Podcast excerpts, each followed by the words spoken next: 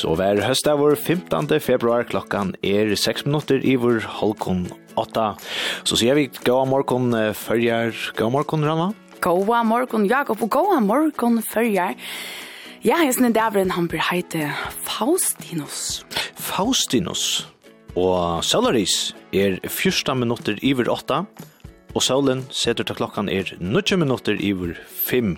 Og det vil si at vi tar dagsløs i 8 timer og 4,5 minutter. Det er norskast 90 timer, jo? Det er gjerne da, det er gjerne da. Jakob, annars i morgen så leier mest til at uh, jeg var ikke jeg så gjør meg klare skulle, skulle gjenge til arbeid, så hørte jeg folklasong. Jeg husker seg, nei, nei, nå er det sikkert så godt vever og lekkert ute. Ja. Men det er kvitt da jeg så kom ut. Jeg løsner alt faktisk. Ja, det leier jeg mest til uh, til var sin dörr kallt i veckan. Jag var snö ute. Tur just kväll. Det var skui klost, säger man. Ja, ja stjärtner, mannen. Ja. Det var gott väder. Ja. Ta vad heter ta pläda snö bluva. Halt. Og titta gå ner med till rättliga til stilt. Det är ja. det som han och lovar fyrir vikna at ta får att vara rättliga stilt. Stilt godt, gott. Stilt og gott. Ja. Men vi får sånn det snä fratta fra honom eh, sagt nu i morgon. er vi ta på åren klockan 8. Det var rätt. Men eh, spel førsvikan, hon ver i år, og i døv noen fjorda til 12. mars, for at hon har samband vil, og jeg som samband til etja fyrtøkken, stånen, kistrum, ja, ødelen som er ho, er at det gjør okkur særligt, borster ur, hessa vikna. Mm -hmm. Det er vi til høyre mer om etter klokkan åtta. Då du var rockna, Ranma? Mm, ja. Varst du målslig? Ja, det er det. Jeg var målslig studenter som det er ta. Ja, ja det var just. Men jeg har aldri vært happy til, til enda i røntene. Ta tjekka så øyelig vel, akkurat det som dotte. Så sampa kjempa for noen som du gjør det vel. ok, ja, men uh, også ikke spirit til at jeg kunne just spørst uh, hvordan jeg prim til P har enlegan at uh, tølene P plus 90 og P plus 40 øsne er jo primtøl. Eller hva kan sies om støttene x lik vi kvadratrødene av 1 minus kvadratrødene av 2 plus kvadratrødene av 4 minus kvadratrødene av 18 plus kvadratrødene av 16 minus kvadratrødene av 2 Ha? Nu blir vi ordla. Ja. Och god, kan du få nu på nu? ja, för som så ljöar hetta som oskiljande mal, men hetta var ett en av åkara gestorna morgon av och hon. Du han är nämligen en av vinnaren av Georg Moore stödfröj kappingsne som är en stödfröj kapping mittlen minams skulle nämgar. Och han er utvalgt som en av vinnaren av disse kappingsene, og til tutsi år så gjerne at nækka føringer har vært mittelen vinnaren av disse her kappingsene, og vi færre at hitta Marius Danielsen og i tøymann om mittelen 8 og 9. Ja, takk, det er jeg med til. Mm -hmm. Løksød og Ronabøyk har finnet en nytt steinveiflugel, men det er at åkna seg er nytt steinveiflugel, ja, det er nækka som teker tog. Du først gjør noen røtte kanalene, for samband og la vi steinveifversksmina i Torslandet, vidja deg og røyner i misflygel. For så gjerne, jeg velger ta flygle vi, som har just han ratta, klansjen. Er rettet så gongt det kjøtt, og flygle vil pakka og sendt nødja eieren noen. Og nu stendte så et nytt stein ved flugel i Løkshøll. Morgonstendingen var vi, da Johannes Andreasen rundt i det, fire fyrste i Reima. Ja, her har vi døstene. Klaver, Middelanda. Middelanda. Mhm. Mm Fyrste talene i morgen heter er og Ingmar, og han sier hei to, så sier vi hit. Vi er som sier vi, går morgen, klokka i rom at vi er 12 minutter i hver halv og natta, hentan her deilige høstmorgenen.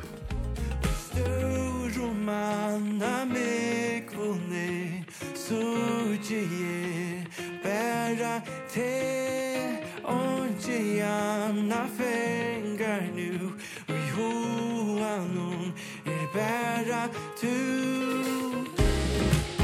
Har du nokon nu att gamla Och kanske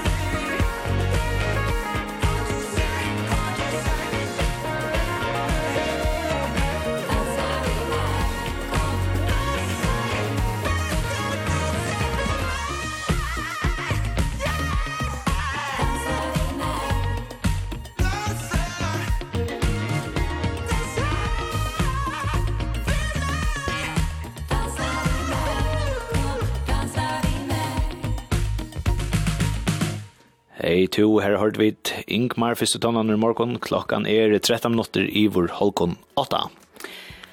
Jakob, om du bor etter bussen, sitter en, sitter en bunch eller last enter i kö i en handle. Kjem du så för det att du lukar tar telefonen fram hikker at att og skal skutchen. Ja, det må jeg nok innrømme. Det blir nesten sånn refleks etter hånden, ja, så det var godt. Du gör så bara automatiskt. Ja, säkert. Inte gott.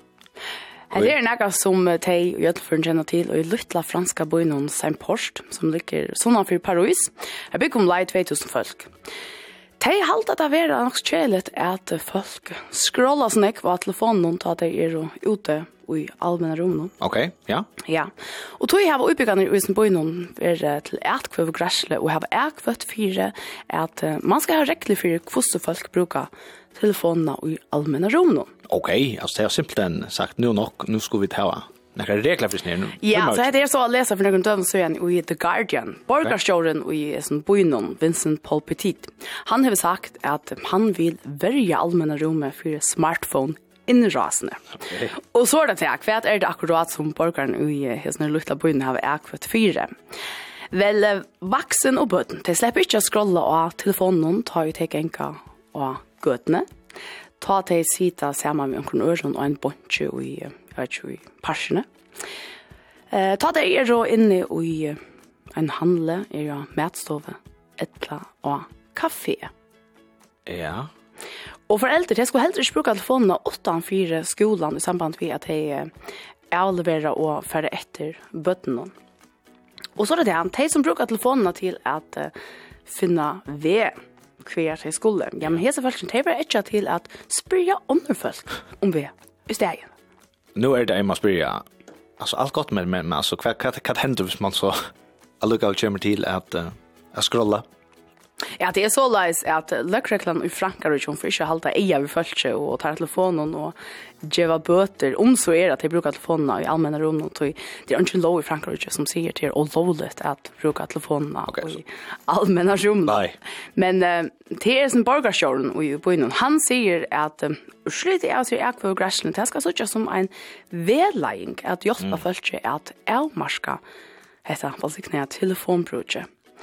Og så er det til. Det er en godt for at du ikke får snakke båt eller noe. Men um, han sier at um, man eier at uh, stola til de spekeren og sin slakter noen som ikke vil avkrære at her kontene som kommer inn og scroller av telefonene samståndes. Eller kommer inn og i en handel og tar seg telefon i mye. Ja. Ja.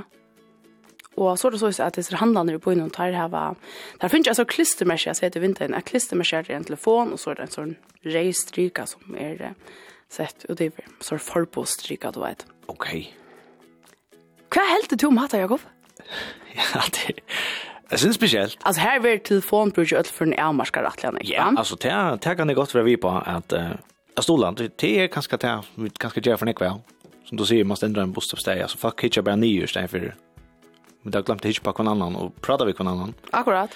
Så på tammadan, det er något vesten til som det kan skal røyna, og så er snitt til vi foreldrene, det er stand og gløven i telefonen til det er, og skulle äldra på ett eller eller hva var det, ja? Men det var ikke om det just Ulla alltså heter en rettelig lov bojer. Jag jeg bygg hva, Jag halda stå om like 2000 folk, ja? Du säger ja. Men, eh borgarna var vi på etter det. Ja, så det du sitter her ved inn jo, er kvart fyrst. Ja, det var mer enn en, heltene av folkene som sa det jo, jo, det er jo i leie at vi tar var noen som noen rekler galt an det her. Ja, så jo också før jo nei, man kan skaffe det et tjekk om et eller annet, annet, man har pratet om det, men du er ikke imynda meg vi skulle ta. Det er kvart her, vi bare i havnen i Loksjord om, så, nå er slutt, slutt vi å scrolla. Ja, men forstå at du først inn i en handel og jeg vet ikke, du tåser om oss om hva det er du skal minnes til å kjøpe lokkost, og så stent du her og skal til å kjøpe brei, og så blir det simpelthen bare sagt, epp, epp, fer ut, gjør det litt navn via telefon, så kommer du innatt. Ja, etla, etla, en verre, tror du innkjøpslistan av telefonene? Til dømes, ja. ja. Nå har svar, hva er så? Innkjøpslistan. Ja, men så ja, sikker på at du kjører seg Facebook. Ja, nei, jeg, jeg, kan, jeg kan, du vel å sutja, du vel å sutja nekka troblegger. Så må man bare ivra at så var inköpslistan på papirat. Utan för att jag vill att det show det och kanske att man inte ska bruka telefonerna så öliga nek va? Ja, att det hade det avvärst. Avvärst. Jag fäst mig just vid att han namn som borgarstjärn. Hur var det du säger att Vincent Paul Petit. Paul Petit, du är Petit. Det var inte det mest lutl. Så ja. Lutl Bell som är borgarstjärn. Sen lutla boy Vet vad? Det vet du övergång. Ah, ja, klockan hon uh, vi är kött 20 minuter i uh, åtta. Om ja. en liten så får jag vite att höra från Väverstov förja om kan vi kan vanta av växeln i dag och i morgon. Barken rådig og stjernerik Rosa ilmer og øgnablikk Les i hegin sin ljusblå Og livet sier å høre Dagur kemur, dagur fer. Ég drauma heim, ég fylgi þér. Hvísla til mín hverja þrá. Hugvíkandi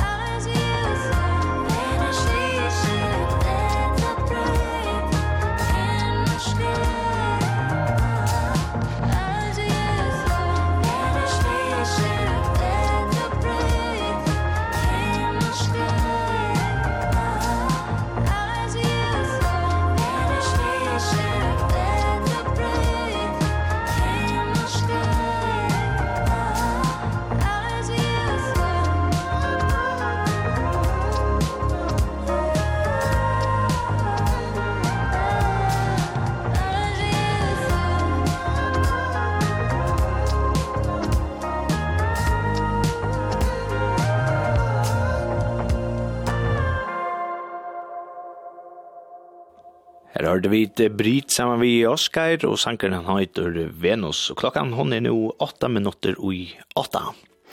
Jeg så her av sms-kiban 2400 Jakob, at det her er det lort der som, uh, jeg vet ikke, jeg sier så inne hoksan om heter her vi at vi som luttla boi noen i Frankarøyke, han bor ikke bant sånn for Paris. Her har uh, borgarstjøren sagt at vi skulle simpelthen bruke telefonen nekk minnet av det ute i allmenna rommet Ja. Ja og fest og utbyggerne i Ølfermaren helten er vi på etter det. Ja, det er slutt, ja. slutt å stande skrolla. Ta man fyrt til handel, att ja. innan en matstove, et la sider en bunch i en parsk. Ja. Nei, nei, så vi, vi skulle tåsa vi kvann annan, hitja fram og ikke bare nyere seg telefonene. Ja, hva sier lorteren med det? Nei, men så er det, det er faktisk flere som tås om det vi, eh, altså, flere brukar telefonene til å skrive innkjøpslista. Ja. Og her, her er... Eh, en som sier, nå, men så må man fære atter til å skrive innkjøpslistan og kaffefilter. Ja, nemlig, ja. ja. Så, og det er øyne som bruker akkurat det her. Ja, jeg, jeg kan... Er du en av dem? Jeg kan sikkert godt innrømme akkurat det her, ja. Ja. Det snedet, altså, man hever resten papurliggjene, men det er akkurat som... Jeg vet ikke hva det er. Det er lukka til. Lukka til, man stender, man tror man stender køtjen noen. Og, og jeg skal hitje hva det er inne, og kaffe er bare der, og en penner er bare der, så skriver man av det.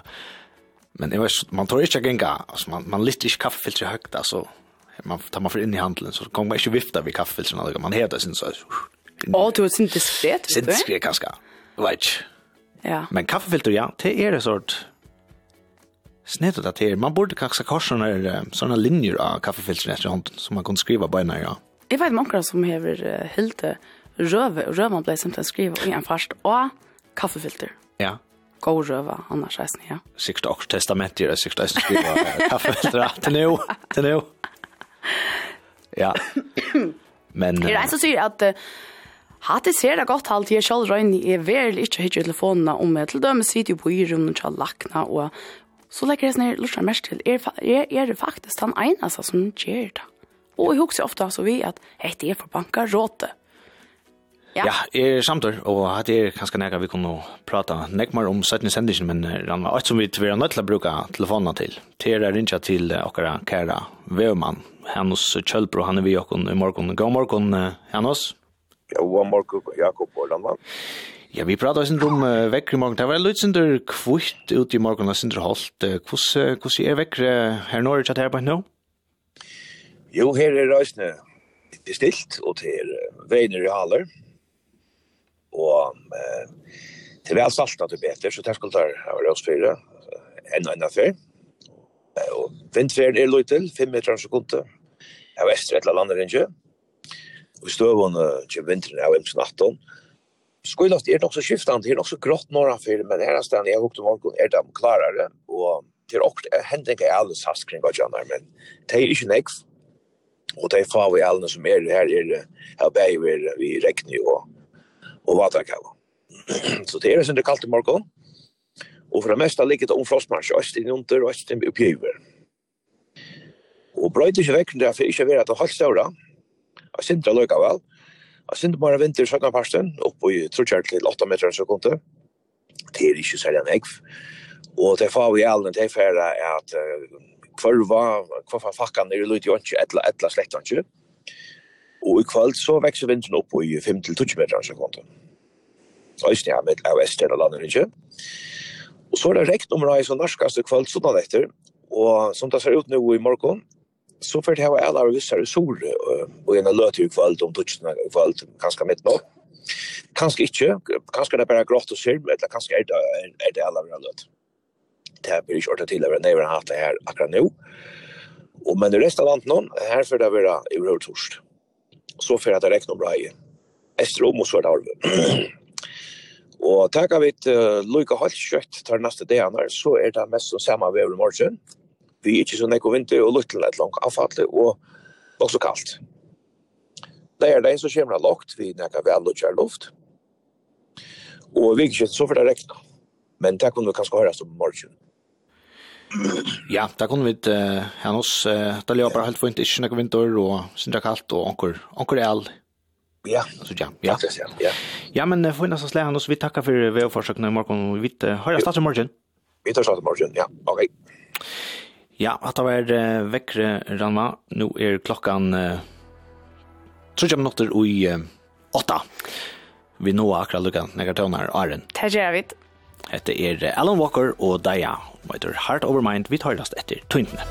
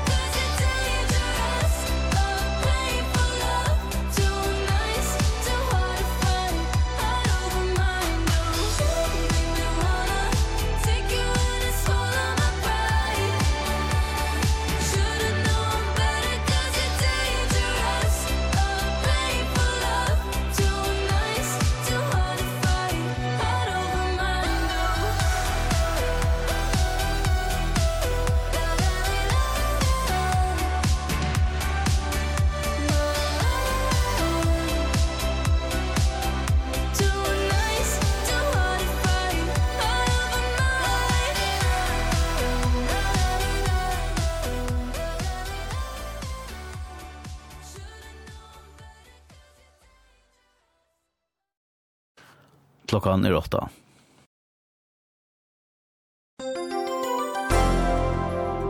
Landsturismævren i Låarmalen, Bjarni Karasson Petersen, arbeider vi at endurskoa kommunale etterlite som han heldig være og vekt og tøyma styrkjast, det skriver frihetsbrevet. Blei skriver at i minni enn tvei år hever Torsnar kommuna givet bitje fyrtøkken i Arstikon flere oppgaver, fyrir samanlagt 345 millioner, utan at oppgavene er båtnar ut.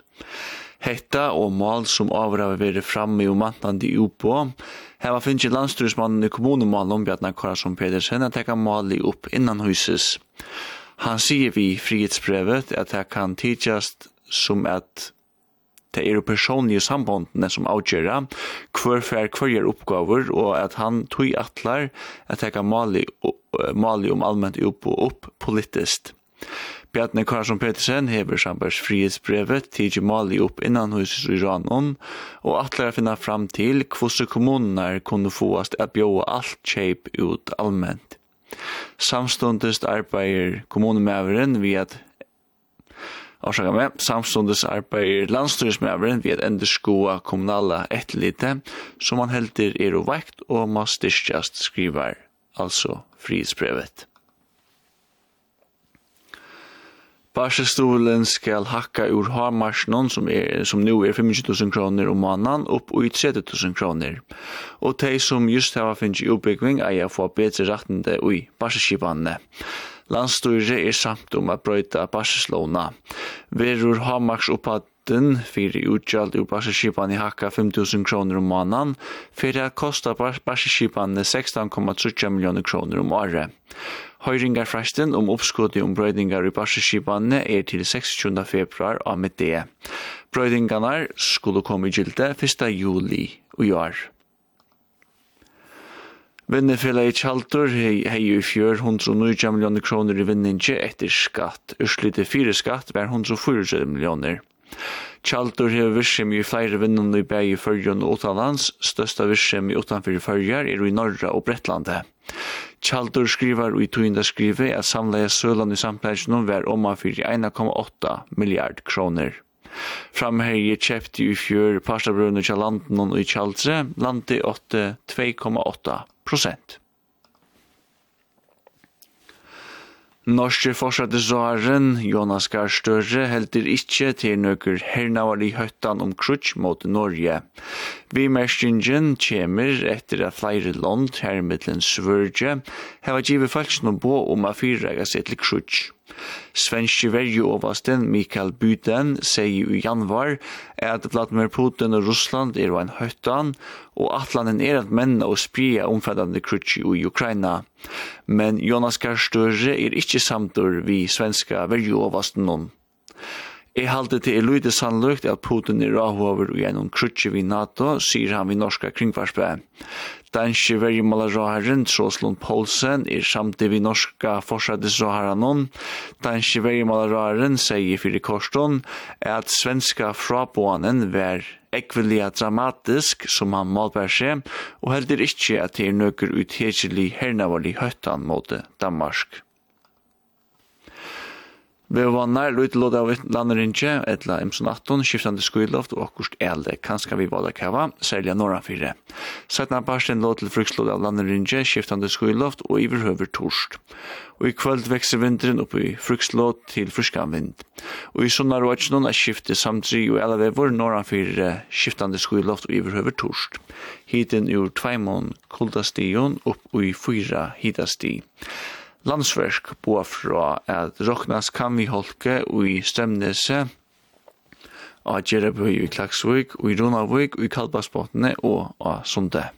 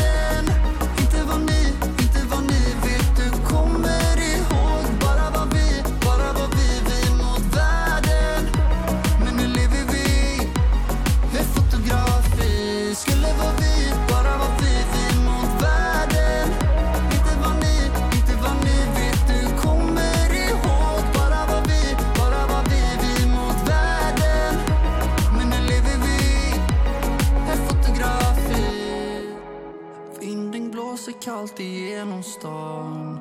Och träden har förlorat sina sista blad Vi glider längre från varandra dag för dag. Och vi kan inte bli Skulle vara vi, bara vara vi, vi mot världen.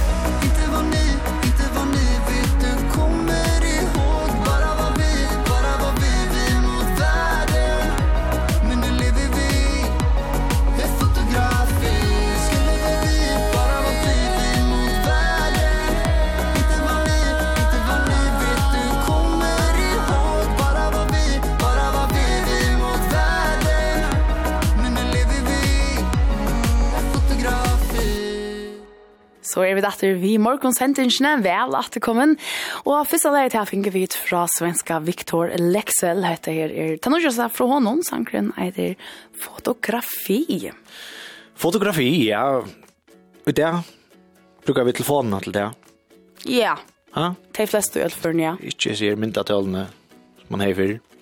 Tar man för att framkalla mynter och sånt? Ja, ja. Man ja. har ju bara ett, ett avvist tal av hans ner. Nu måste man lyckas bära. Jag har bara, jag har bara fem mynter efter. Vad ska det täcka av? Ja. Och så spänningen. Tar man så skulle framkalla.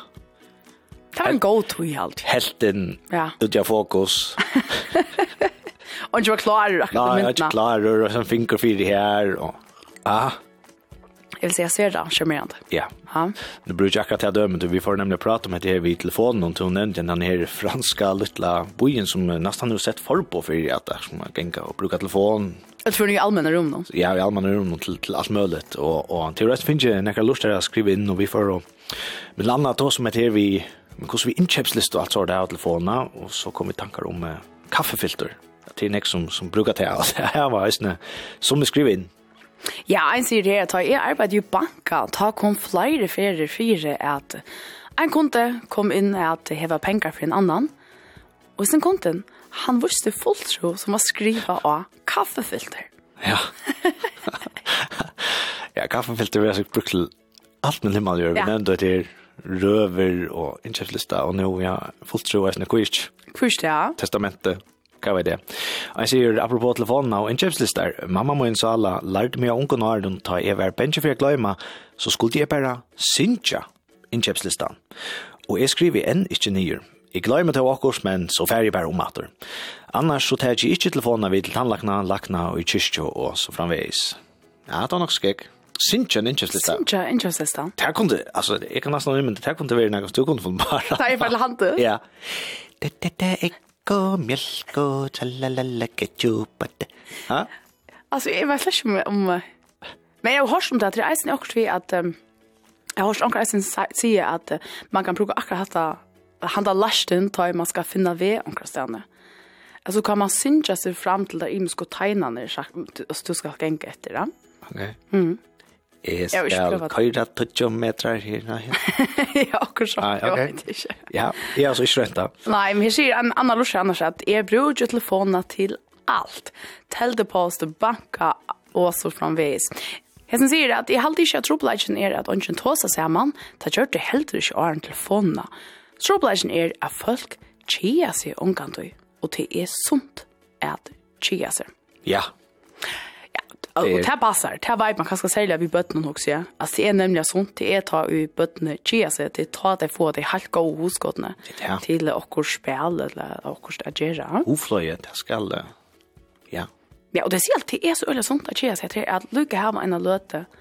Här ute här du inte just något som helst. Mm. Ja, 100%, 100%. Och jag måste nu vilka gånger ta i sutt alltid det att ja, telefonen, allt ligger ju av telefonen alltså visakost og enta køyrekost og du hever, ja, du hever sånn ekko av her, ja, hvis man da borster så, man blir det ikke så is. Skvært. Man føler seg bedre. Ja, Ha? ja, ja. Og det er stort litt, man ångte i tid og kom fire at ångre av åkken og i tøymen hever glemt telefonene. Ja, ja. Her heima man kommer til arbeids, og, og tjener sånn veldig ofrir og følger til det. Til det, ja. Ja, for jeg kjørst. Og så stod litt er at, um, så som oftast kvar det lukka heim med telefonene, og mm. så heldte man, man bidla seg inn at nu her var nek for ringt og sendt meg på, og hva var det? Mm -hmm. Her er nesten omgått meg. og her vil, og her vil disse fraglendingene sagt, Berger, løy meg her, det er som en gammal gode og teka en penn og papur, eller kaffefilter, og fer ut og finn søvnar. Simpelt det. Ha? ha? Ja.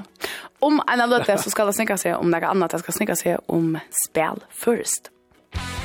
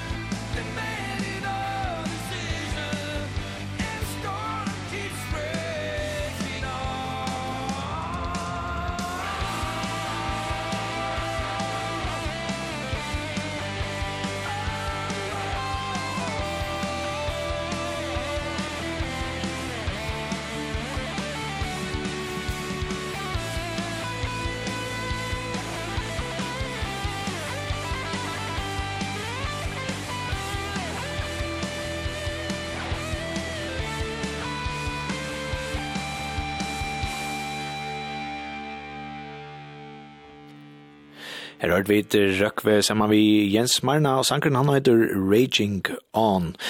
Og ja, før skal tannlager til det som det skal snikkes om nå neste løtna. Det skal da tog om gåa tver viker bryr spil føresvikan.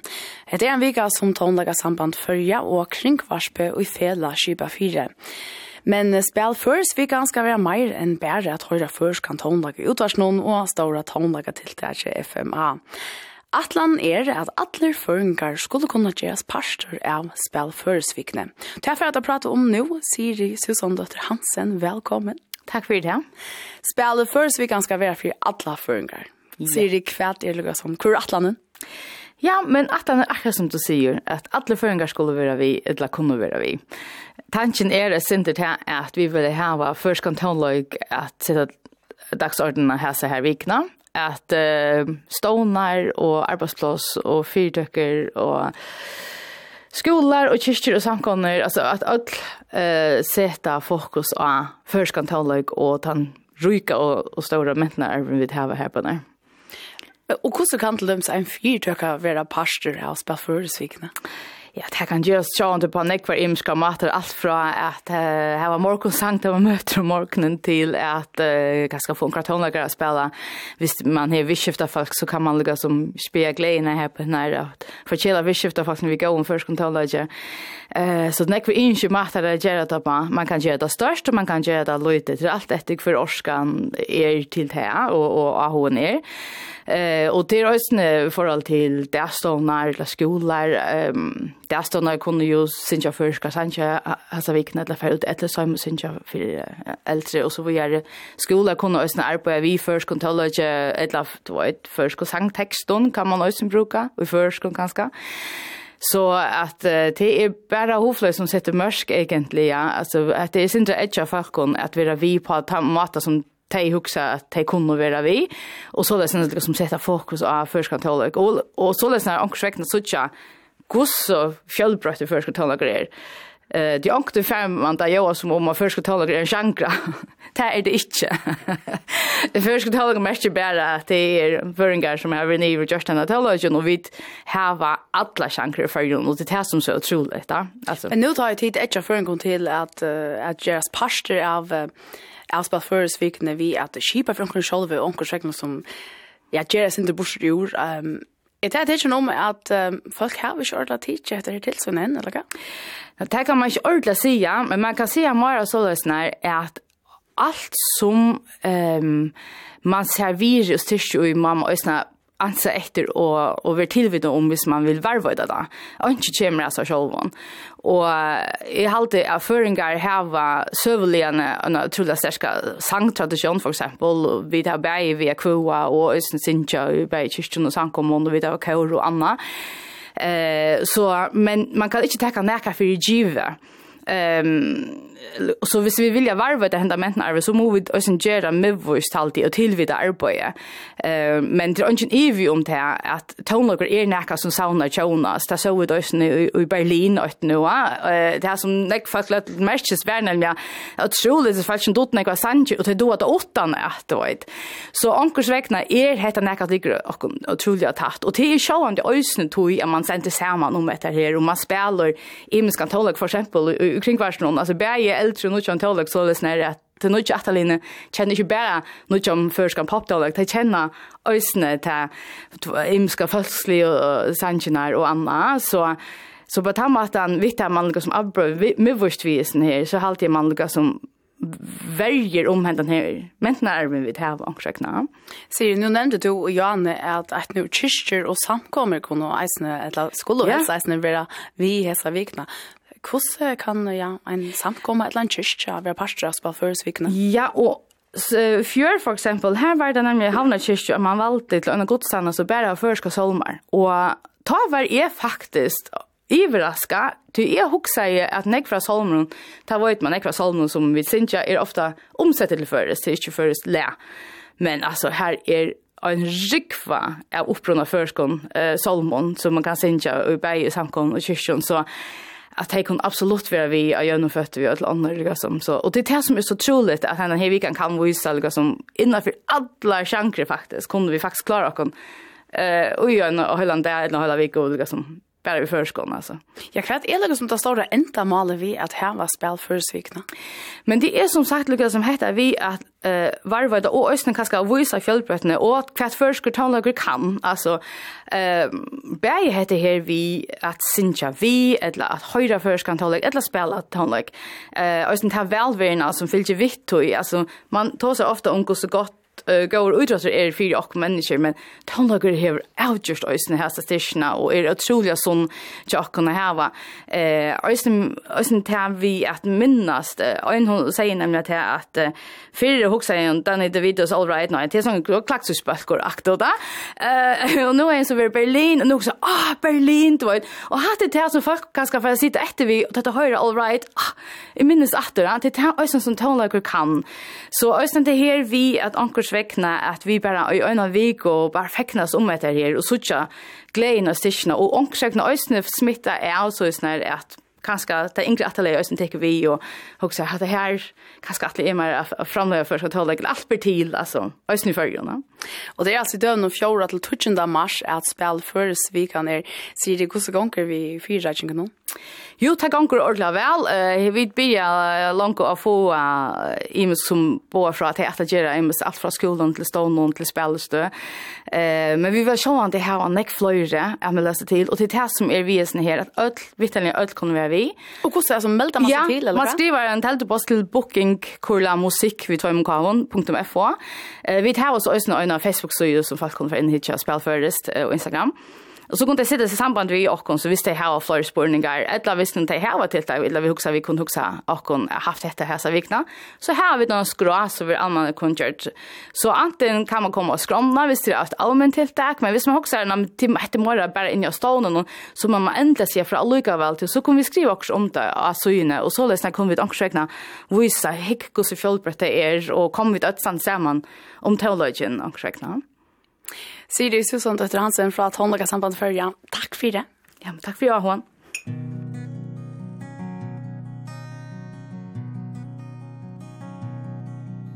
Sars du at de små av husene Er byggva folk som du og er Akkurs hus er rett Og akkur blått Og akkurt grønt Og akkurt svart Ui sumon er det ljøs Ui sumon myrst Og ankur hever se fullkommelig egne byrst Og herren tei sona Si adl vi ein og munne ta gonger nok Som er hava stereo Og som er sjån varp som er hava seg halda alls ikkje at sovor er nega fyr teg om kvöldet ta teg er om mot right ta smylas teg og sutja at alt anki er brøyt og arin teg sona Si ödl vi ein og munni etter gonger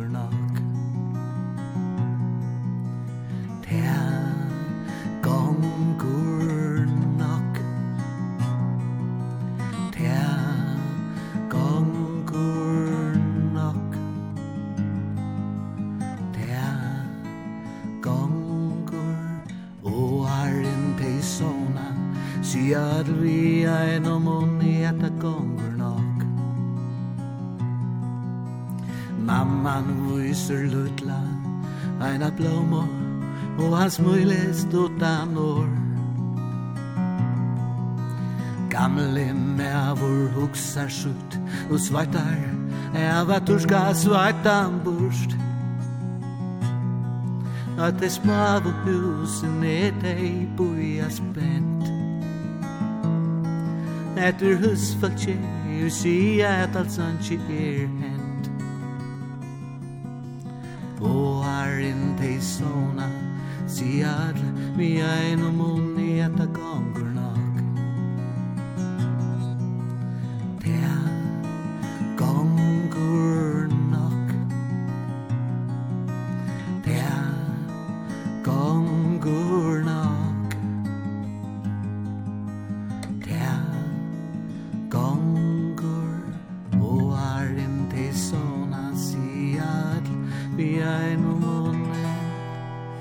det gonger nok. Ja, det er gonke nok. Det er Martin Marsten Johansen her, og klokkan hon er fyra minutter i Holgun Nutsjo. Om man har lyst til det, så får vi vite en fyr her i morgensendersna, og til en som doer, er nesten måte å si, og vanlig vel, at råkna. Ja, det må han gjøre det. Han er altså en av oss nere vinneren som kom. Vi er jo i Georg Mohr-kappikene, støttfri-kappikene. Og som jeg skiljer lennom, så er har ikke en føring å være en av vinneren i ja, en tutsjå år. Så det er sånn spennende å høre som hva det er, og, og gå vidt hvordan torfet av mamma er sikkert av mamma er neka. Det er for vi er kommet. Og jeg husker jeg sånn, jeg synes, når, når er det allega som en fire måneder, når er det godt at du har ordentlig vel å råkne? Ja. Men... Jeg vet ikke om han vil si om hva støv er han også. Åh, oh, ja. Dette kan jeg kjøtt råkne ut. Ta-da. Ta-da. Minnes du ta ta du Jack skulle vara näkar och att en flocksfilm som tar sätta ta ta rocknlärare lägger fram.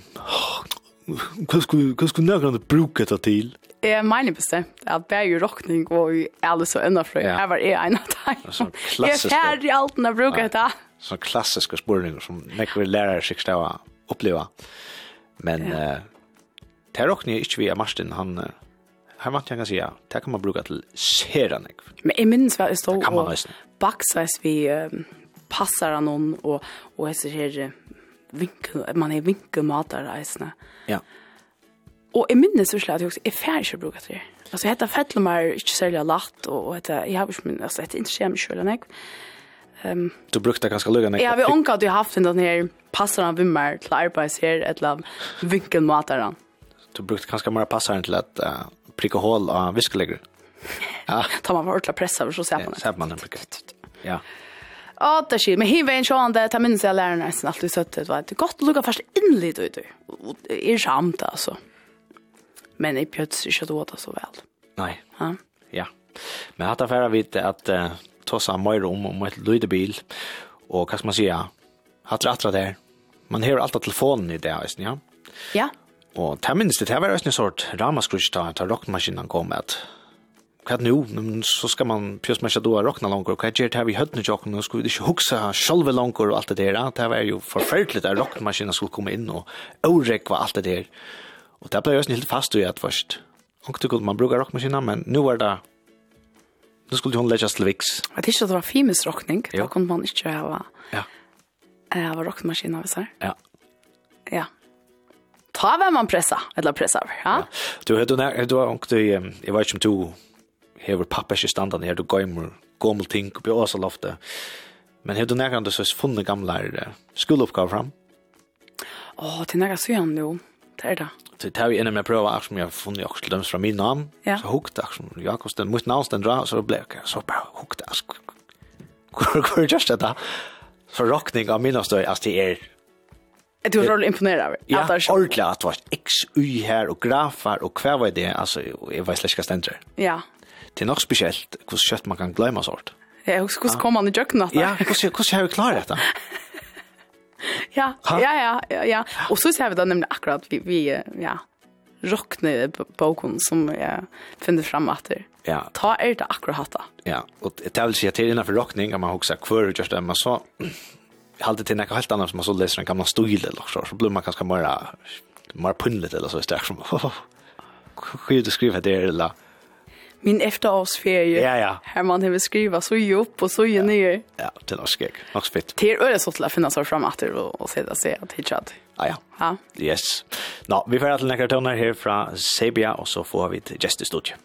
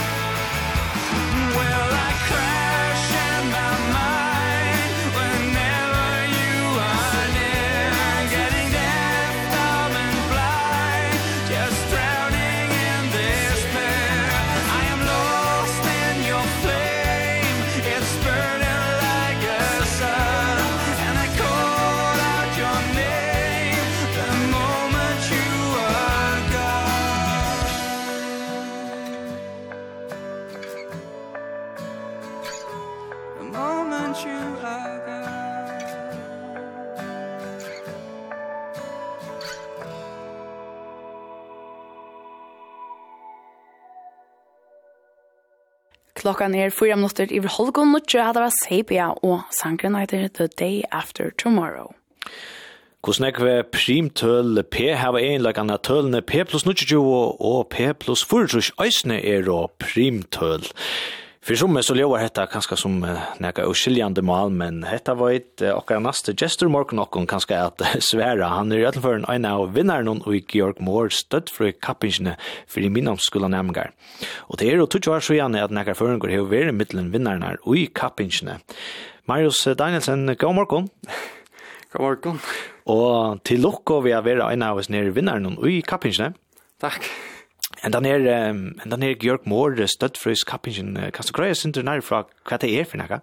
Uh, altså, det er en årlig kapping i danska kongarudsen her um, uh, folk, uh, altså folk rundt om kongarudsen uh, skulle råkna uh, for at uh, vise hvordan gøy det er, og altså, det er uh, delt opp i um, jeg vet ikke helt hvordan man kunne alltså man kan dela det opp i uh, två kappingar och så är det här flera ting som man kan göra för att komma vidare i under rockte kappingar. Men uh, det som jag har vunnit är uh, uh, nästa kapping i uh, Georg Moore och uh, det som uh, är, är att man börjar vi att uh, en första kapping här uh, man ska svära 20 rocknespurningar uh,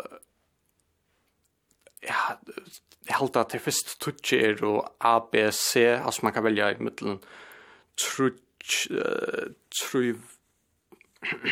Velmøllegar, ja, veldig middelen. Velmøllegar, mm -hmm. og uh, så den neste er uh, her man skal uh, bare finne et svær... Uh, uh, altså, her er den første kappingen, her er 20 spurningar, tutsi uh, vi flere velmøllegar, og tutsi her man bara så ska rockna. Uh, och om man får 12 uh, rätt utav 20 så kan man vidare i nästa kapping här till er uh, här ska man svära fem spurningar uh, och man har fyra timmar att rockna allt. Och jag också för för mer än vad heter sig svär omövligt att ju över svär på näga som helst alltså men men hur så vart det för det vart det helt totalt är lätt eller vart det torrt först eller eller hur så? alltså det här var uh,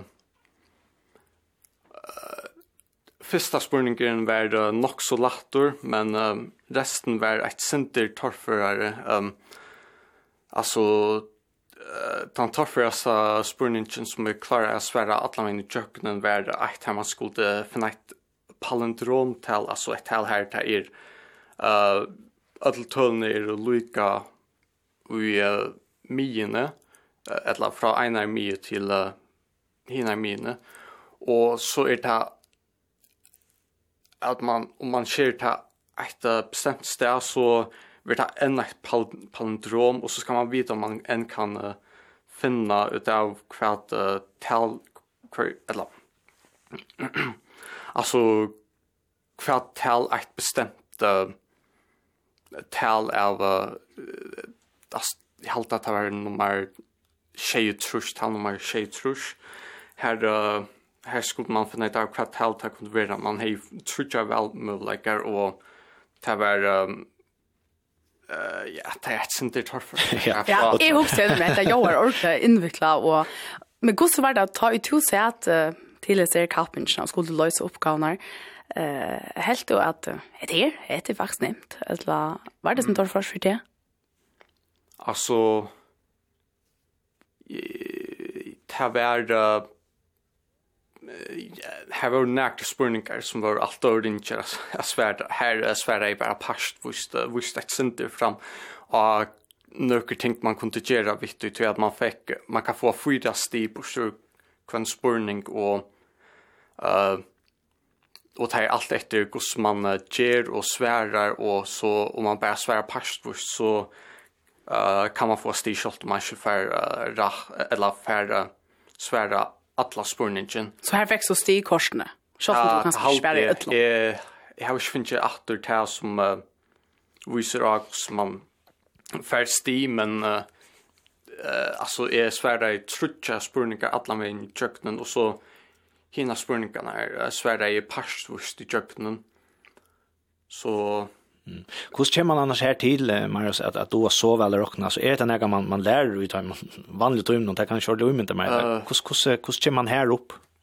Uh, altså, det som jeg gjør, altså, jeg har lært meg selv nek vel tøy. Um, men selv om det så har vi eisne lært nek ur skolen. Um, altså, det som jeg Alltså, det började ju i 2019 här, uh, började jag hitta efter uh, rockne videoer på YouTube.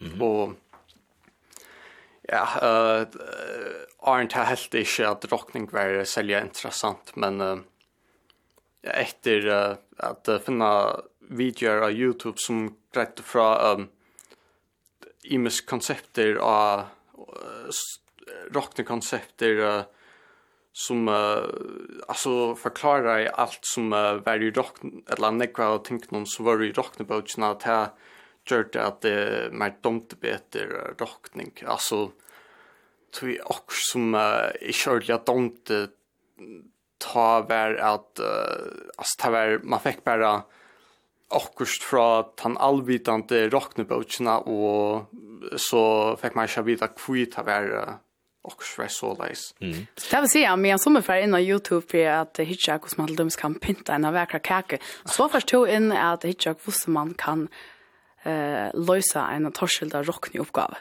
Eh ja, alltså ta gjort i början, men uh, nu röjner jag att och tog färdig innan Youtube har lejt efter uh, en video som uh, uh, bara hever också uh, en rocknespurning och så röjner jag att lösa henne. Och om jeg ikke klarer det, så regner jeg bare å komme så lengt som mulig, finne ut av sånn jeg som jeg klarer, og så hitja vi er. Så det å si at det er nærmest så frutjær og utrevet tjater?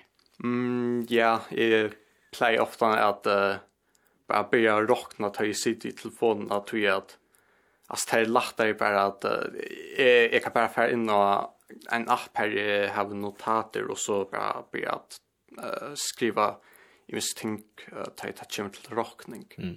Ja, hva er det annars vi vi støttfrø som som tar damer så vel? Uh, altså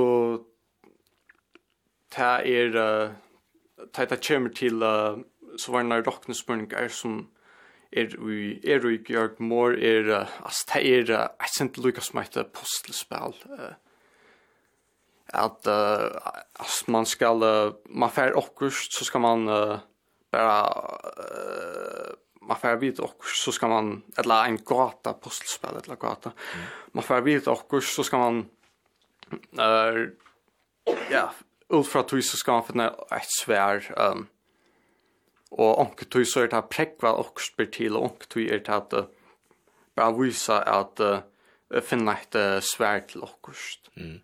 Ranvoj, vi pratade oss under morgon först, vi minns da vi gick i skolan så spurte vi ofta, ta vi tøtt og stött för så spurte vi, ja men hva, hva skal jeg bruka detta til, när för nær kan jeg få bruk för sånn, hur helt du man kan så uh, bruka stött för i, i det dagliga, eller brukar du det i det dagliga? Uh, ja, ikke sånn, jeg ikke, altså det er... Uh, mer uh, simplere rockning här alltså till de spär plussa pris samman men eh uh, det är själva inte ens viktigt att uh, du har rockning om man vill uh, läsa till bestämt uh, ting.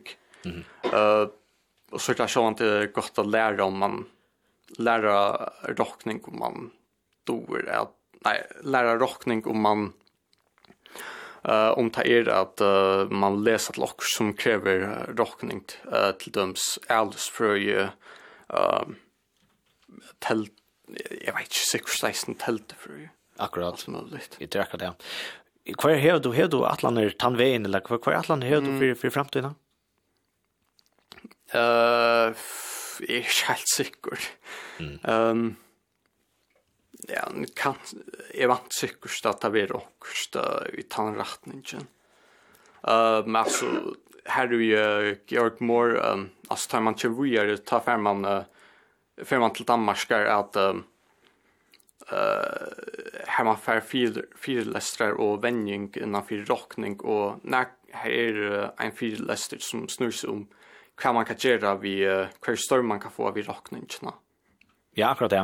Så tar fram sikkert sløsning av vita nek om hver møllegar er å ta, ta altså, innanfor støttfri heimen, altså vi er det. En den her kappings du nevner, de skulle nye, de får fire lestrar og alt det der. Hva, hva, hva er det hentet nå, nast? Um, altså, uh, man får råkna og uh, sånn at jeg venner råkna, um, og så blir det um, fjørte av uh, her er åtta alt strusja folk som er konvojere. Fjörde av teimt færa at uh, til ein norrländsk kapping her, uh, om man klarar seg vel, så får man vojere til uh, ett som heter, så kan, så kan man færa vojere til ett som heter Baltic Way, etla uh, internationella matematiska olympiaderna. Og hvordan fyrrøkker du til etter, eller kan man fyrrøkke seg til, til der neste kappingene som nu, som nu kommer? Um, Ja, så vi tar finns akkurat at uh, lese. ehm um, och så kan man isne sikkert finne uh, ting av YouTube at uh, etla eh också annan nät någon om hur man kan göra. Uh, så kan man se att isne röna att um, lösa nära av äldre Georg Moore kappingarna um, spurningarna här um, mm -hmm. Ja, og när vet att du så skall det vi är kappingsne og er så spelter. Ja, eh uh, altså det er um, if I til Danmark eller eh ta börjar ta 25 är minst som er färd ta 24 eller om jeg kom ta 25 men ta börjar gå ser ta 25 Og så enda ta ta 28 Og eh så får man vita sätten hur väl man klarar det og om man får vidare till uh, ta norrländska kappingen. Ja, det är spännande. Kan du spela hur gammalt du är? Uh, är det 16 år. Uh, 16 år gammal. Ja, men det är spännande att uh, fylja där. Vi får öll för uh, fylja där här från morgonsändningen så uh, vi får inte att det är bäst och ett och visa kappingen och tack för att du vidare och morgon Marius Danielsen. Ja, så tack.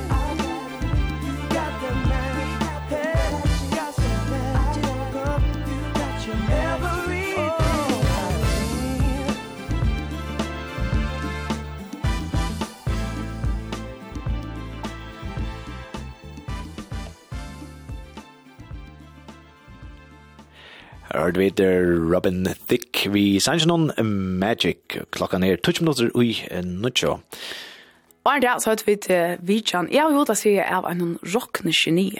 Ja, det er vant jeg, man kan rødlig si han sier ikke når gamle Mario Steinelsen som skal til Danmark Danmarskare kappast ui støttfrøye. Ser spennende det må man säga. det är en den kjente kappingen i York, more stöd för his kappingen for det minne skulle nämna. Och det är så fest för ett år att en försker lotakare er vi. Ja, och nok så stort lite alltså han finner ju uh, inspirasjon av YouTube. Ja. ja. Alltså till stort lite alltså ja att han uh, säger det vi en ungefär ganska inte hur kan är pynta en kake eller hur kan är Ja. Jag vet inte, akvörsta. Ja, ja, altså du kan slå nästan allt på i YouTube fast du ska sette också stand i huset någon eller fem lugg in. Ta han liksom här en allé, låt det ja men så får han in finna så här rockny uppgifter. Ja, vi kan bara uimynda mer hva det ligger her ute av slökon action till neka man kan finna i öllon stion rockning vi. Och han är så skal være. Ja, och han är så har rockning att han säger att rockning är närmast en sorts frutjer uttryck, tror jag. Ja, men horen han skal driva verste. Jeg halte øyelig ho allt att alltså jeg halte til nek ung som som klarar seg vel i førjun, altså vi såg det bägen innanfor uidrott, utrott såg det innanfor för tone like. Nu är rockning. Og i stödfröje altså, ha? Ja. Fantastiskt. Ja. Då är det stort lätt att höra. Så vana vi vi såg det för Agenka som novell. Han är bara 16 år gammal och då är så väl att rockna. Ja, og jeg kan bara uimita mig at det blir sikkert mormor torrförst alltså jo långt man kommer i när slukar kapping. Helt du är klara om kraus när uppgången till så kappingarna. Är var inne i hukt av alltså hemma her innan hemma yeah. kunde nämligen finna gamla uppgifter. Och nej. Att det gav nej nej jag vet inte mer klara när kanskje hvis man Jus slapp inn av YouTube-barn. Ah. Nej, nej, det var nej nej, att det släcka en noen støy som er, som är minst i behöver. Nej. Nej, det så öliga torförsut. Klockan är kött, kjøtt tjei minutter, og i nødje videre som du til er sindre av Tone Light och Arne Twin, för att komma klockan nødje, da får jeg sånn, det är sånn halta fram vid till senaste personen av morgonsendingen, den här höstmorgonen. Nu får vi till... til... Ja, kan. Her er et møvlig. Dua Lipa. Og ånder. Vi sier Dua Lipa og ånder. Und dia. Und dia. You know sometimes I think about us now and then But I never wanna fall again. Ah. Yo no te quisiera olvidar Pero contigo es todo o nada. Yeah, yeah. You're deep in water, you're drowning us. You question my love like it's not enough. But I hate that you know, you know, you know You got me tied up. You regret innocent now But it's your mistake. What makes you think that my mind will change? And you hate that you know, you know, you know, you know you messed up. One day you'll love me again.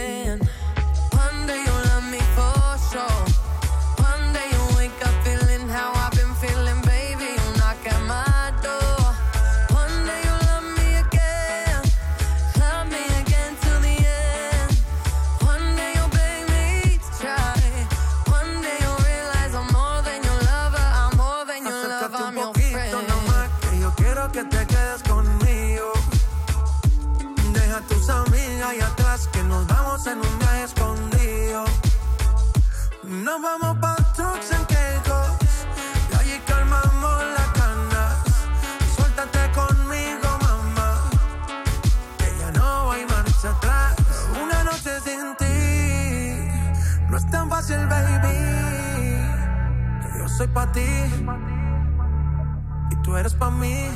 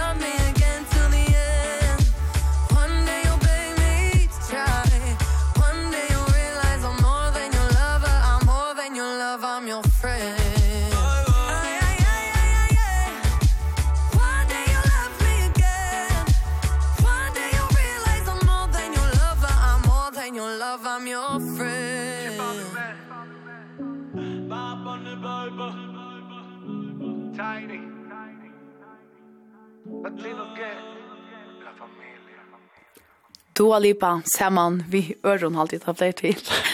yeah. One day, eller on dia. Ja. Klokkan er så mykje nekv nu, den var hun for å være, tror jeg minutter i nuttjo, at vi nå kan skal lykke etterlig. Etter klokkan nucho. Ta for vidt at høyre om til spilte nuttja Steinvei flygle i Løksvøtl og i Ronavik. Ja, og jeg som neste for fyren, han er visst her inne fra Okrastane. Beiner, han kommer her, vi sannsyn noen. Greener. I live in a town by the ocean. It's greener than most places I know.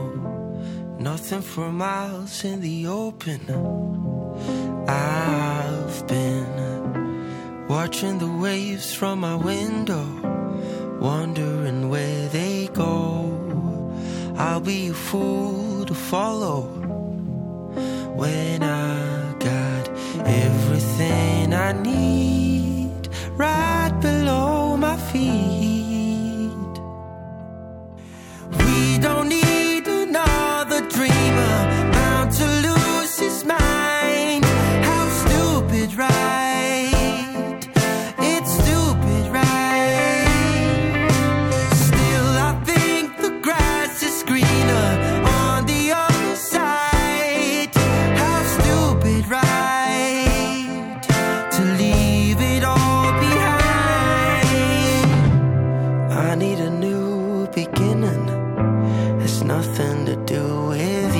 my friend. You're with me wherever i'm going.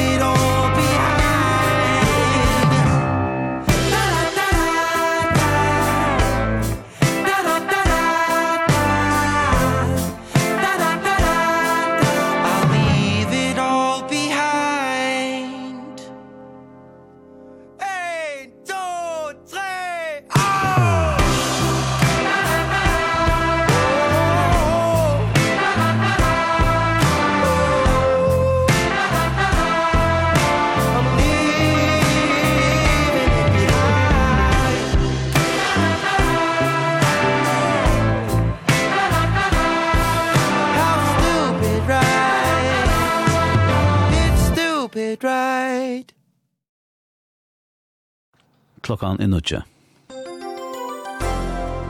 Landsturismævren i Lovarmalon, Bjarne Karasson Pedersen, arbeider ved et enderskoa kommunale etterlite, som han heldig vera og vekt og tøyma styrstjast, til å skriva frihetsbrevet. Blei skriver at vi minni enn tvei år hever Torsna kommuna givet bytje fyrtøkni Arstikon flere oppgaver, fyrir samanlagt 745 millioner utan at oppgavene er og ut. Hetta og mal som over har vært fram i omvantande i UPO har finnet landstyrismannen i kommunemalen Bjarna Karasson Petersen at taka kan male opp innan huses. Han sier vi i frihetsbrevet at det kan tidsjast som at det er personlige sambåndene som avgjører hver hverjar oppgaver og at han tog atlar at det kan male om allmänt opp og opp politiskt. Bjartne Karlsson Petersen hever sambars frihetsbrevet tidsi mali upp innan hos i Syranon og at det er finna fram til hvordan kommunene kunne fåast at bjøve alt kjeip ut allment. Samstundes arbeider landsnusmæveren ved at enderskoa kommunale etterlite som man helder er uvekt og masterstjast skriver, altså frihetsbrevet. Anna Falkenberg, folketingskvinna, er valgt inn i nevndina i Havnar Bøllfelaget. Folketingskvinnan skal være skrivar i nevntene. Nevnda vel være og elfunden i kjørskvölde. Sambarst årsøkskap noen hei hapi et avlop av 2,5 millioner kroner i fjør, til et større avlop enn i 2022, ta avlop vær 1,8 millioner millioner kroner. Avgjørst var at hakka tali av nevndarlimon ur 5 upp ui 6. Ransen en Djurhus er framvegis formaver ui Havnar Bøltfella. Varselstolen skal hakka ur hamarsnon som nu er 25.000 kroner om månaden upp i 30.000 kroner. Og de som just har finnst utbyggving eier få bedre rettende og i barselskipane. Landstyret er samt om å brøyta barselslåna. Verur hamars oppaten fyrir utgjalt ur barselskipane hakka 5.000 kroner om månaden, fyrir det kostar barselskipane 16,3 millioner kroner om året. Høyringarfresten om oppskuddet om brøydingar i barskipane er til 16. februar av det. Brøydingarna skulle komme i gilde 1. juli i år.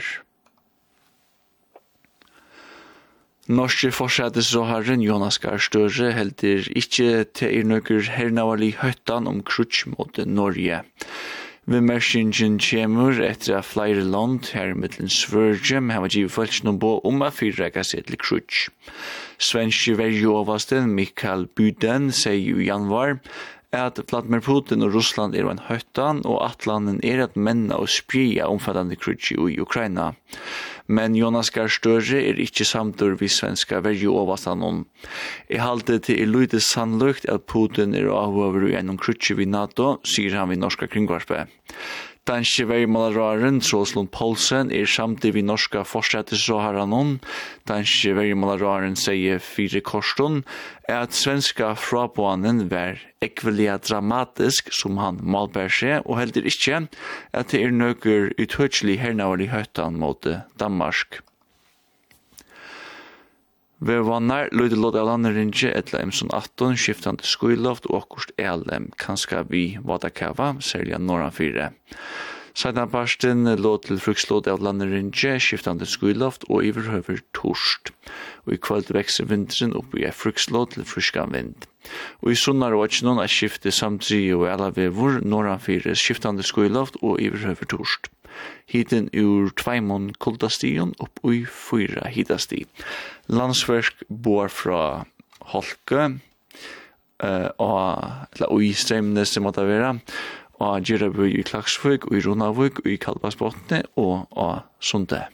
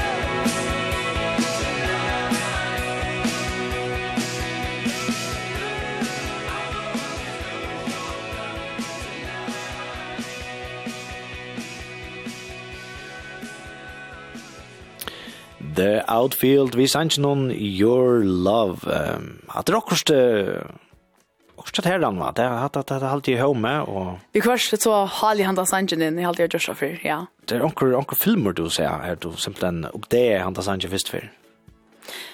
Ja, og det er en kjente, kjente saken jeg kjenner. Jeg kjenner han ikke for en jeg ser at vi flåfer noen for en tvei minutter siden alltid. Ok. Hadde her alai. Og jeg var vinkene vår faren her en tur utenlands. Ja. Og jeg minnes det at vi så en film, og så kom jeg hesten sangen her, og sa, hvor er hatta som eier den her sangen? Du er helt han bare, ordet deilig, og hun sa, så er det finere å spille av først, og utvarsp. Ja, det kjenner jeg vel at du ofte er tonlageren synder, synder anonymer i filmen, det ligger bare her som jeg har bakgrunn, men så, så vi først bare, døy, altså. Man har bare innan løyta, ja. og så innan playlistan. Og det var altså det som er Georgie har seg for at jeg sier at jeg vet ikke hvordan jeg kom med oppe, og ja, också. Han tar sig med minnas. Han han ska bort in av Altan Mix. Altan Mix charmer, yes. Du sier lägger han er ikke inte kommer när. Okej. Nej, häsen her lykker ikke liksom trade for å komme inn i alt han Mix. Nej. Häsen gjemmer ikke, hva skal man si, kjenslene av Summer is Old. Nei. Men han går for det. En annan playlist då. Ja. Ta tag av den annan där han var tunnar tunna playlist där. Ja, gjør vi det. Okej. Kaska. Och i häsen Dörmannen så färdar vi hit till Runavikar. Ta for avvitt. Tui i løksatler her var det finnes eit spilder nøyt steinbrei flygel. Det var dorst. Ja, dorst og størst og flott og alt mulig. Ja. Men Margo Stencher var vi ta og Jons Andreasen rundt i etter her flygler for første fer her hjemme i Førjon. Mm. Det var om en til løte at vi færre at uh, høre det. Takk for avvitt. At han har hesset vi Melne Thomsen.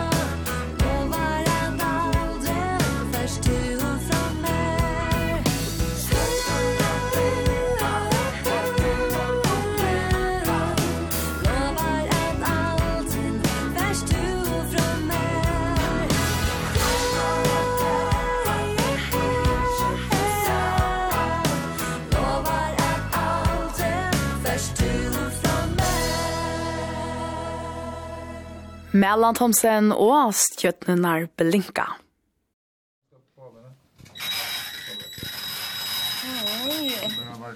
Ja, kanskje ikke mest behagelige ljøe, men så les ljøe at ta i Johans Andreasen klaverleikere og Urt Johansen, mentanar samskipare i Ronavøyga kommune, røyna få et steinveiflygel ut ur til Lutlehusene og Taboirøy, at da fyrir padlen og i Løkshøll. Snurra vi du, her inne for det skulle ljøe øyne. Ja. Weißt du? Bist du da? Og hva skal du gjøre her er en... Nei, her er han Justin sånn han... Ja, så vi må... Sørste løser hender. Ja. Her er det. Ja, og så... Ja. Ja, det slår han litt, oi. Ja, så er det først för du sørste siden du kom han til färja etter flykle? Ja. Hvordan ser det ut? Det ser gott ut. Det ser ordentligt gott ut. Det särsta och det är skojner. Det är spelt i flunkant nu. Ungen sköva, ungen ekka. Det är akkurat det ska vara. Men hvis det ikke var stemma, så gjør det verden i Hamburg, så var det ikke så men vi røyner.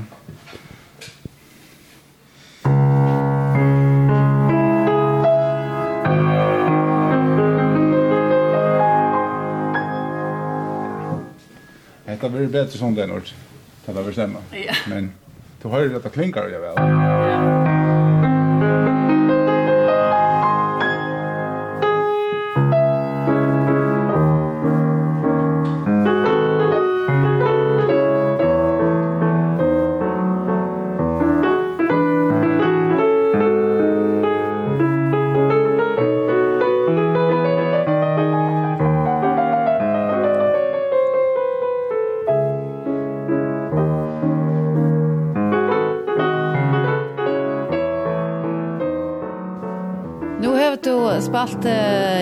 frustitje tja er som flykla. Gå så vær? Jo, at det hette jeg hette era superflykla. Ta det er blevet stemma så för det klinka. All all väl alltså. Det er helt helt sikkert, Det er prakt ett praktiskt som det. er. Nå er vi jo inne 18:4. Det heter ständigt kör om paddle men her er det ljoj. Ja, men det er jo på enke. Det er et, et sort et sort ha guske flygel som um, hever det som heter stad B Og det er simpelthen tog at det er akkurat um, 2 meter og 11 lengt. Og det er en stad som ikke er den største, men hon, hon kan saktans brukes til alt høve, altså til en sånn middelstad som man sier, som er øyla vanlig og i, og i minne konserthøtlo. Hon kan brukes bæg til å spille, ja, enda eh, klaverkonsert som i orkestret, hvis det ikke er akkurat det aller kraftigste som Tchaikovsky eller Rachmaninoff, så kan man godt gjøre det, her. men hun kan eisen brukes til kamertonlag, til solo, og eisen til kanskje mer eh hvis det er musikk, musikkskola konsert eller også her som nærmere spiller så, så heter det sort det perfekta den, den gilte middelveveren som kan brukes til ødeløv Og hvordan gos lunge er det li i korsen om at Løkshøll skulle de heva en sånn flygel som heter?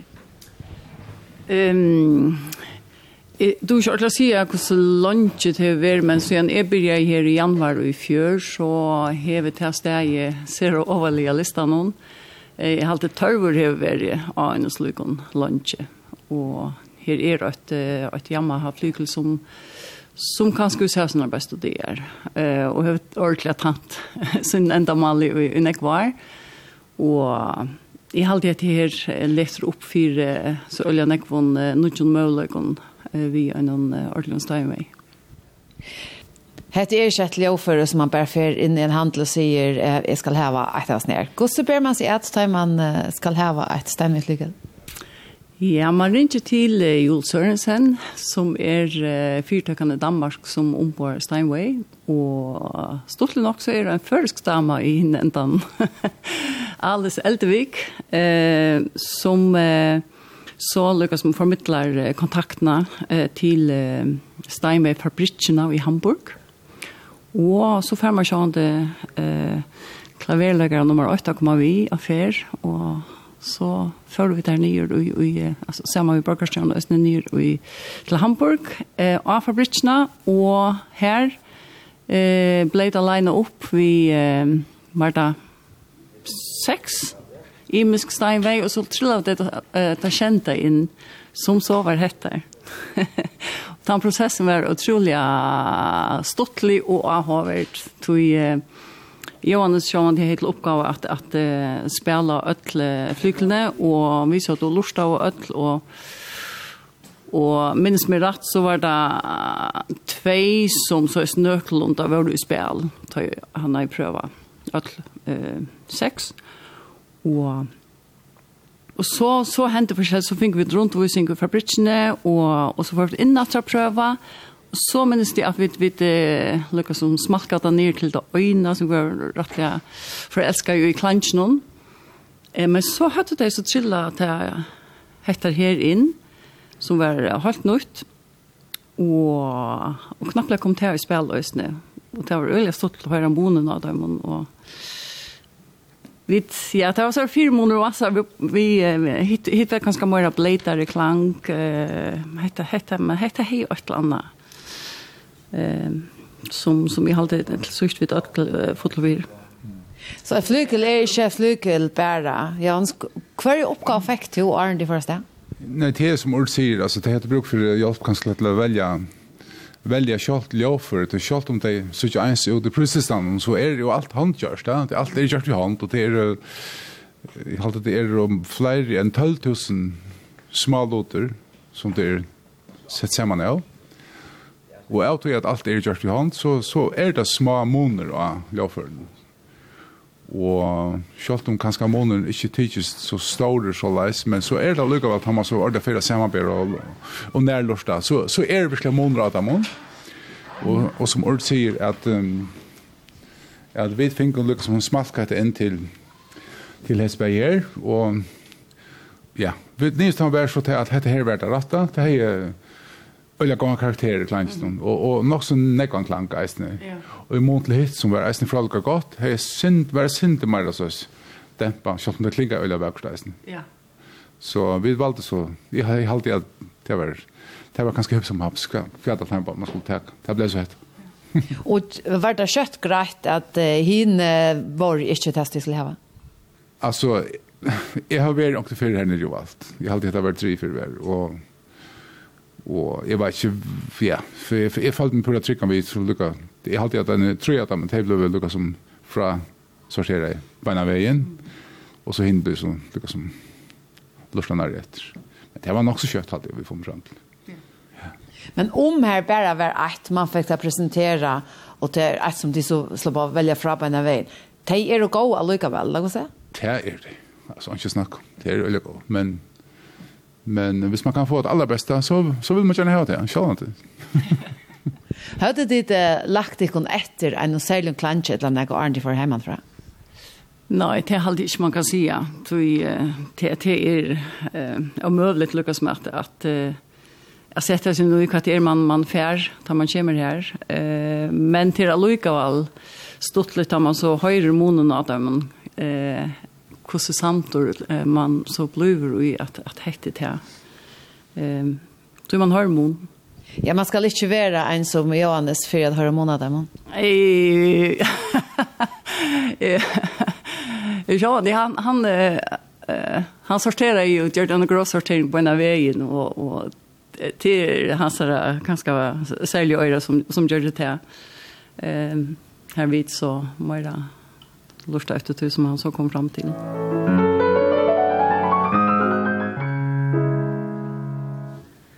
Hva er møleikar sutja til fyrir ikkon at dette djev ikkon i munn til det gamla som ditt høtta? Ja, det er sindri som Johan sa, som sier vi kunne kipa fyrir klaverkonserten sjående og, og kamerkonserten, eller kamertonløyge. Um, Og dette er jo øyelig altså, allsidigt, eh, hva man kan bruka det til, eh, alle sjankrer, eh, eller minne. Men det som det letter opp for eh, særlige, det er at, at det er den klassiska sjankren som, som velger eh, færre om nu. Eh, til hit kan jo brukast eh, i ørenhøpen, altså det gamla.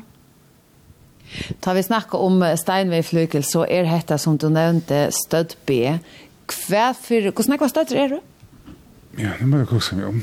Det er ein, tver, trutjar, fyra, fem, seks, tjei, tjei støtter. Ja.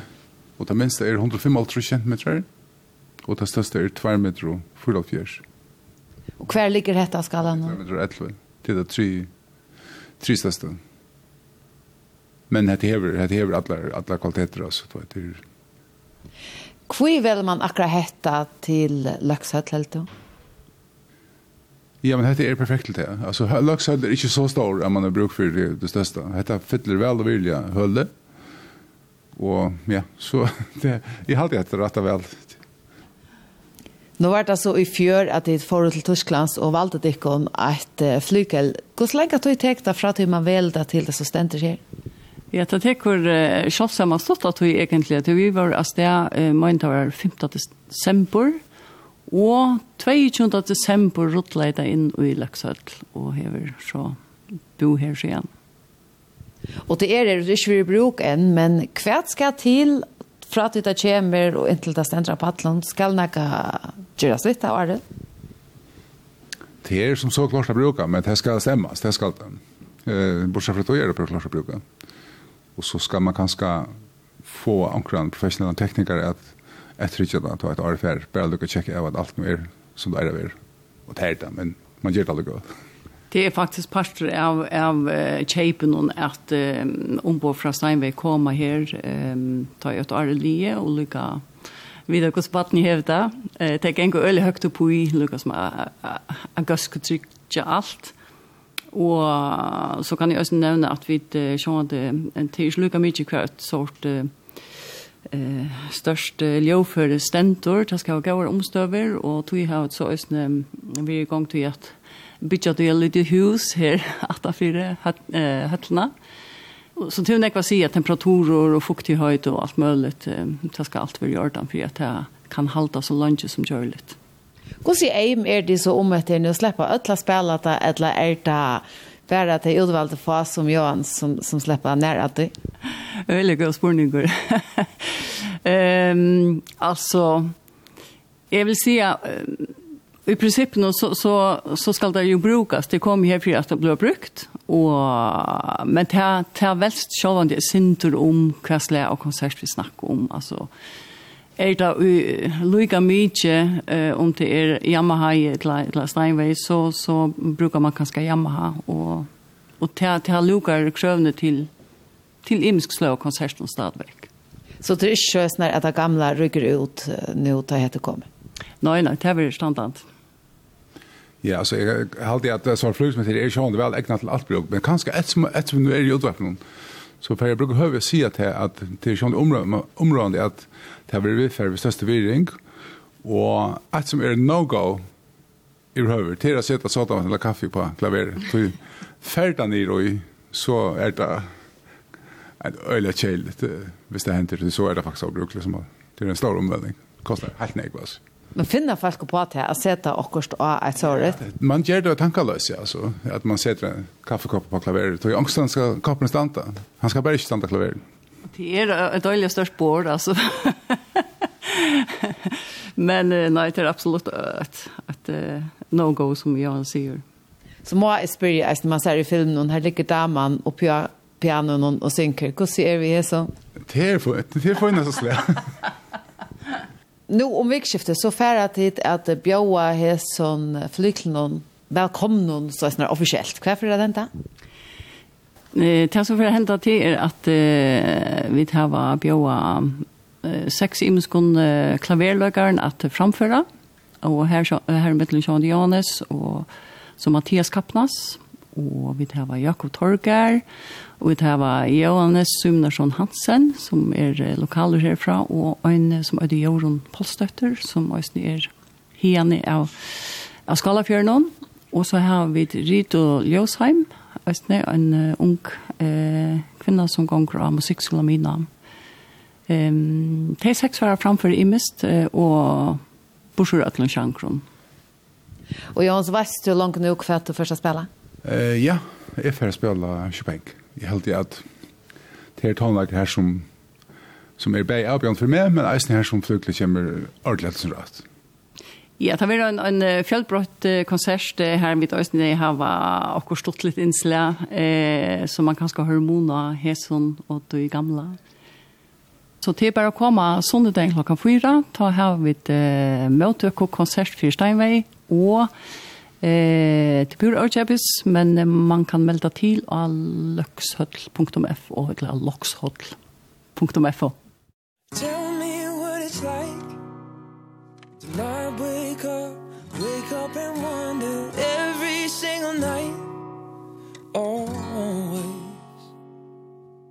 I'm sat bolt upright Watching her sleep. I wish I could join her Every single night Always.